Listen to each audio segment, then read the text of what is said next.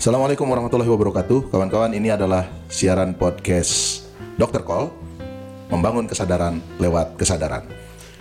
Nah, di siaran podcast kali ini kawan-kawan kita akan coba membahas Adakah hubungan antara narkoba dengan kerja kreatif di kesenian. Saya sebelum memulai bahasan ini saya ingin uh, menceritakan latar belakang saya. Saya berangkat dari sebuah kampus seni di kota Bandung dan uh, saya adalah seorang sutradara teater yang juga bersinggungan dengan uh, banyak sekali uh, pekerja seni yang juga uh, menggunakan narkoba di dalam kehidupan mereka. Beberapa di antaranya memang banyak sekali yang juga sudah sudah berhenti di dalam uh, menggunakan itu. Ini hanya sekedar kisah yang ingin saya saya ceritakan ulang saja bahwa narkoba itu tidak ada hubungannya dengan kerja seni.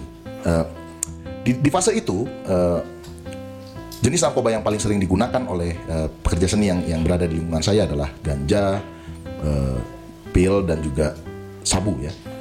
Dan dulu juga alkohol adalah barang yang paling sering digunakan dalam dalam kerja kesenian.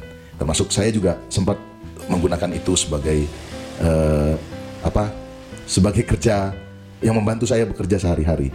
Nah, apakah kemudian kerja kreatif yang kami lakukan itu uh, didukung oleh uh, narkoba atau alkohol sebagai uh, suplemennya? Tentu saja tidak. Saya kira tentu saja tidak karena toh sampai hari ini setelah uh, banyak yang berhenti atau ada beberapa di antara yang, yang berhenti setelah ditangkap polisi atau melihat temannya yang sudah meninggal karena menggunakan narkoba atau juga karena temannya gila. Apakah kemudian berhenti e, berproduktivitas? Ternyata tidak. Tanpa narkoba pun mereka tetap bekerja sampai sekarang di, di kesenian. Nah, kenapa kemudian banyak yang terjebak menggunakan narkoba di dalam kesenian? Mungkin saja salah satunya adalah karena mereka memiliki referensi atau pengidolaan terhadap e, beberapa sosok atau mungkin banyak sosok di di kesenian yang e, merupakan legenda di kesenian juga sebagai pengguna narkoba. Contoh yang paling umum adalah kalau di seni rupa ada Jean-Michel Basquiat yang karyanya luar biasa tapi kemudian dia harus menyelesaikan hidupnya gara-gara narkoba. Atau juga kalau di dalam dunia musik yang paling umum ya, orang paling umum tahu adalah Kurt Cobain yang kemudian bunuh diri di akhir di akhir hidupnya. Tapi siapa yang bisa membantah bahwa seorang Kurt Cobain itu memiliki karya yang sensasional, karya-karyanya mudah diingat, banyak sekali sampai hari ini pun orang masih memainkan karya-karyanya. Dan banyak sekali karya-karyanya yang masterpiece yang kemudian uh, masih mengisi radio-radio atau masih mengisi uh, apa namanya mengisi komputer-komputer anak muda masa kini.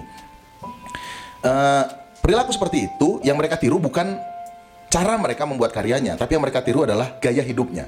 Ini mungkin yang menyebabkan banyak sekali orang-orang yang bekerja di uh, bidang kesenian itu kemudian terjebak di uh, menggunakan narkoba karena mereka mengikuti gaya hidup.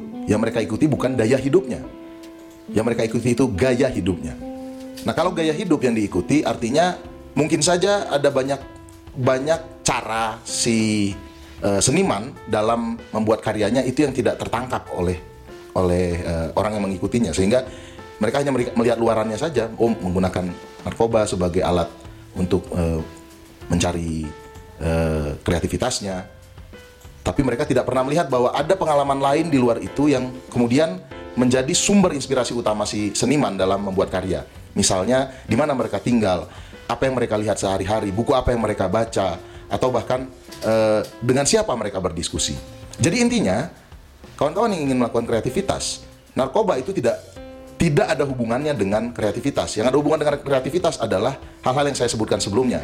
Uh, di mana Anda hidup, apa yang Anda lihat, buku apa yang Anda baca, sumber apa yang Anda baca, siapa orang-orang yang akan Anda ajak untuk sharing. Itu yang paling penting sebetulnya. Buatlah lingkaran yang lebih produktif sehingga Anda juga akan terbantu untuk membuat sesuatu yang produktif. Singkat kata, saya ingin tegaskan, Anda tidak akan membangun kesadaran lewat ketidaksadaran. Anda tidak akan pernah membangun bisa membangun itu. Jadi intinya adalah bangunlah kesadaran lewat kesadaran. Demikian siaran podcast kami dari Dr. Paul. Terima kasih kawan-kawan. Assalamualaikum warahmatullahi wabarakatuh.